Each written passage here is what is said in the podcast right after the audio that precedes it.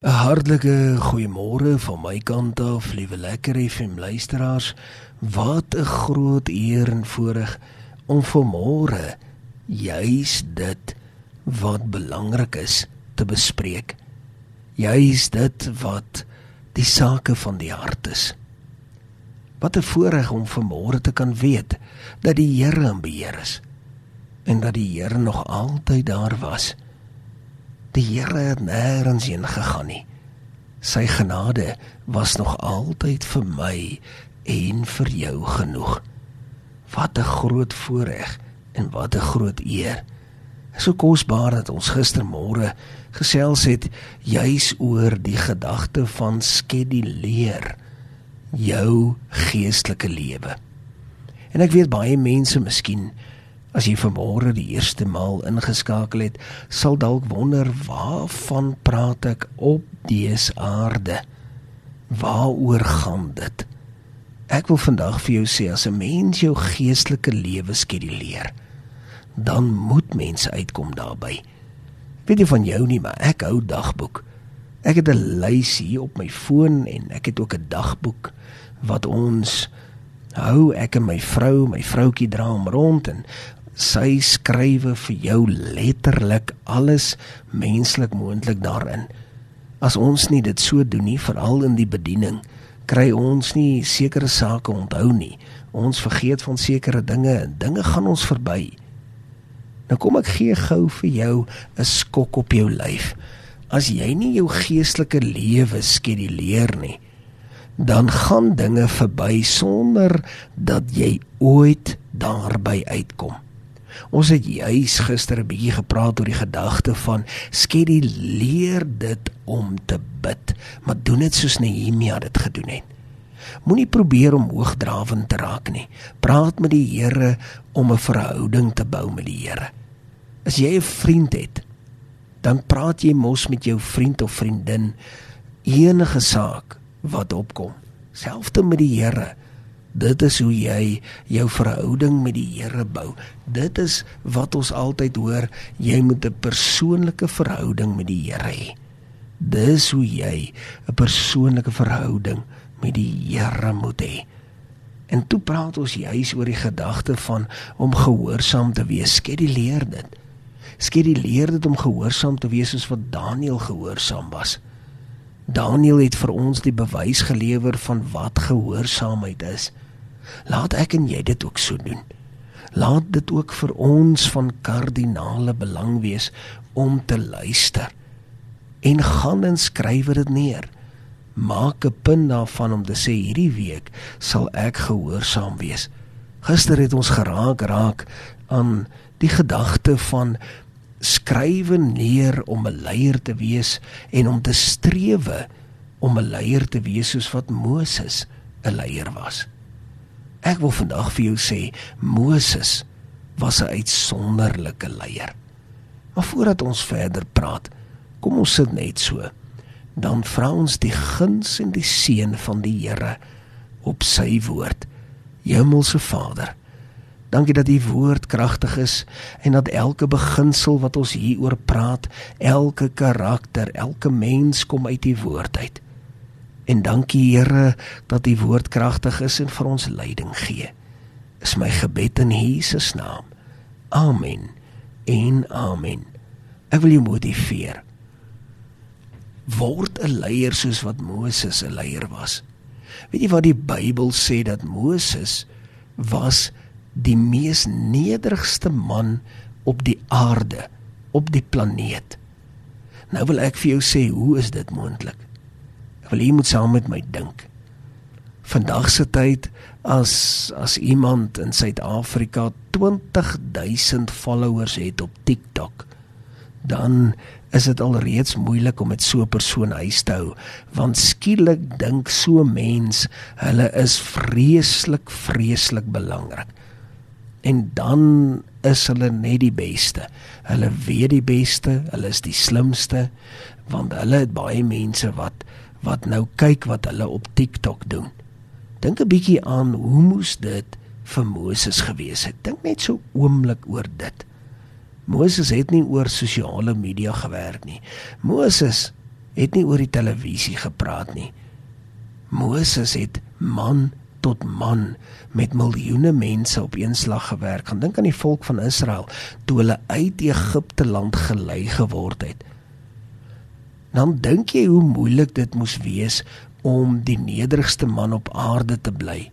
As jy so baie mense het wat na jou kyk vir leiding en raad. Dit moes die Here se genade gewees het.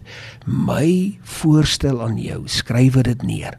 Skeduleer dit ek moet 'n leier wees, nederig, net soos Moses. En dan wil ek hê jy moet bietjie daaroor dink. Baie mense sê man, ek is nie 'n leier nie. Ek was nog nooit 'n leier nie en ek los dit maar vir ander mense. Dit is so. Dit is so sommige mense te gawe om te lei. Ander mense weer nie. Maar jy sal altyd op een of ander vlak van jou lewe sal jy leiding bied het sy dit is teenoor jou kinders het sy dit is uh, as 'n oom of 'n tannie teenoor dalk van jou familie se kinders het sy dit is in 'n posisie waar jy werk waar daar een of twee of drie of vyf mense onder jou werk jy sal altyd in 'n leidende posisie wees maar doen dit soos Moses skeduleer dit. Sê ek wil 'n leier wees nederig nederig soos Moses dit was En dan het ons hierdie verhaal van Martha en Maria. En hierdie is al die jare so kontras en, en mense sal vir jou dit lees en dan is dit amper asof Martha die skuldige een is. En Maria is die een wat nou by die voete van die Here wou wees en daarom is sy nou op die regte plek. Ja, sy is op die regte plek. Maar dink 'n bietjie hoe belangrik is dit om Martha te wees? Nou die dag toe praat ek daar in my gemeente en ek noem nogal die voorbeeld. En ek sê jong as ek nou vir iemand moet bel en vra, "Wil jy my nie help met dit of dat waarmee die gemeente hulp nodig het nie?" En jy sê vir my, "Jong, weet jy wat, ek kan nie nou nie, ek wil eers 'n bietjie bid vandag." Dan gaan ek vir jou sê, "Nee, dis 100% reg. Môre gebeur dieselfde ding." En jou antwoord is weer, Nee man, ek wil net eers bietjie bid vandag en dan die dag daarna en die dag daarna en hier by die 10de dag bel ek jou weer. Man, wil jy nie help met dit nie? Dan sê jy vir my nee, jy wil net eintlik 'n bietjie bid. My vraag is as ons net die hele tyd bid, waar sal wat ook al gedoen word? Onthou, dit is definitief net so belangrik en nie meer belangrik nie, maar skeduleer die volgende: dien, dien soos wat Martha gedien het. Baie keer is belangrik dat ek en jy net 'n voorskot moet aantrek. Ons moet net dien. Ons moet beskikbaar wees in die dienswerk van die Here. Ons moet die dienswerk van die Here as nommer 1 prioriteit ag en ons moet doeteenvoudig net besluit om dit te doen. Ons moet besluit neem, ons moet dit doen en klaar. En dan glo soos wat Maria geglo het. Skryf dit neer glo soos Maria geglo het. Hou vas in jou geloof. Laat jou geestelike lewe gebou word steen op steen. Laat dit sterker en sterker en sterker word. Maar as jy dit nie skeduleer nie, dan kom jy nie noodwendig daarby uit nie. En dan baie belangrik, skryf dit daar in jou dagboek. Ek moet veg soos wat Dawid geveg het. Ek moet veg soos wat Dawid geveg het. En dit is baie baie diep hierdie verhaal. Ons kan baie daaroor praat en ek gaan nog in die toekoms baie oor dit praat. Ek is baie lief vir die karakter van Dawid, maar skien die leer daar veg soos Dawid geveg het. En wat bedoel ek daarmee? Gaan kyk 'n bietjie na Dawid. Ons hoor van die groot wonderbaarlike oomblik toe hy as 'n pap nat agter die ore seentjie vir die grootste reus. Ons praat hier van 'n 'n krygsman galore. Ons praat hier van 'n krygsman tot die mag 2000. Ons praat hier van 'n man wat 'n spies gedra. Die punt van sy spieg was so van sy spies was so swaar so 600 sikkel silwer. En ons eh, lees al en hoor al jare dat Dawid dit reg gekry het om hierdie Goliat grond toe te vat. Nou wil ek vir jou sê, gaan kyk 'n bietjie. Gaan kyk 'n bietjie. Kom ons dink 'n bietjie.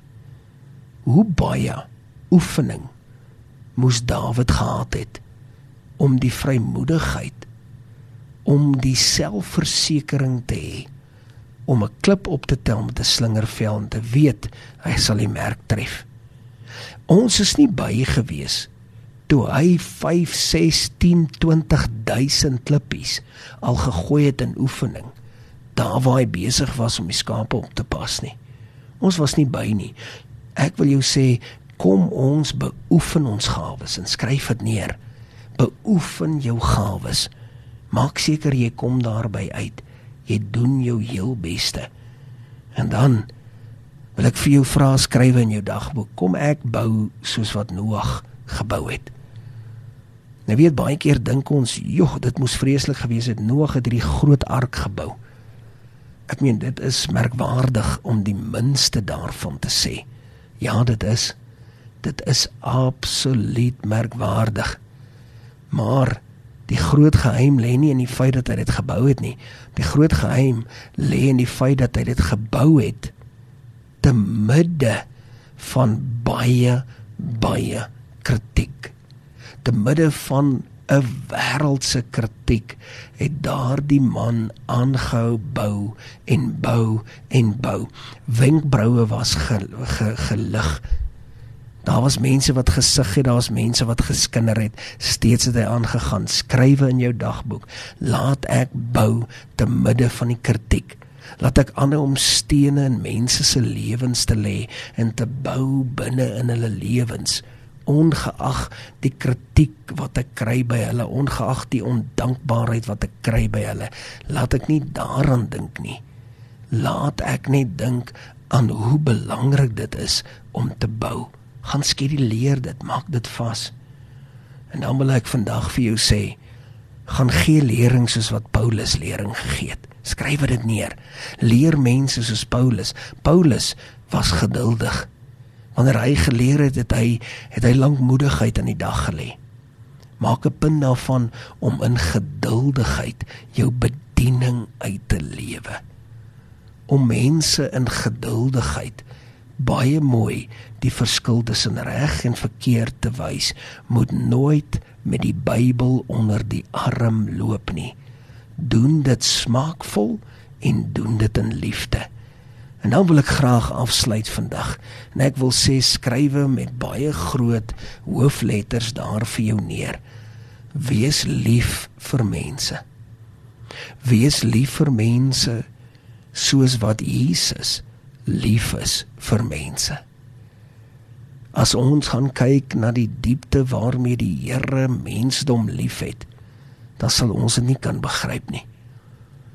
Jy weet vir ons is dit baie moeilik om lief te wees wanneer dit moeilik is om lief te wees. Die oomblik as ons hoor ons moet lief wees soos hoe die Here mense liefgehad het, dan klink dit dadelik reg en ek wil sê ja nee, dit is 100% amen. Maar dink net hoe moeilik is dit as daar tye kom en ons moet juis liefde wys en dit is regtig waar net nie so maklik nie. Die Here het onvoorwaardelike liefde vir sy bruid, vir jou en vir my. En daarom is dit belangrik vir ons om ten minste te probeer om dieselfde liefde te wys.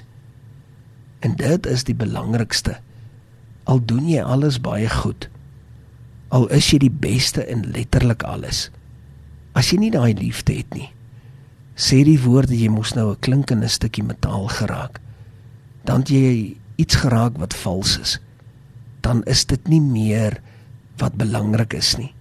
Kom ons besluit vandag om te doen wat belangrik is om te doen. Gaan en skeduleer dit. Tot sover Kom ons sit net so. Dan sluit ons die oë, dan bid ons saam. Hemelse Vader, dankie dat U die harte van ons lekker FM luisteraars kom stig. Dat U kom praat, dat U kom aanraak. Dankie vir U liefde. Dankie vir U genade in Jesus kosbare naam. Amen. En amen.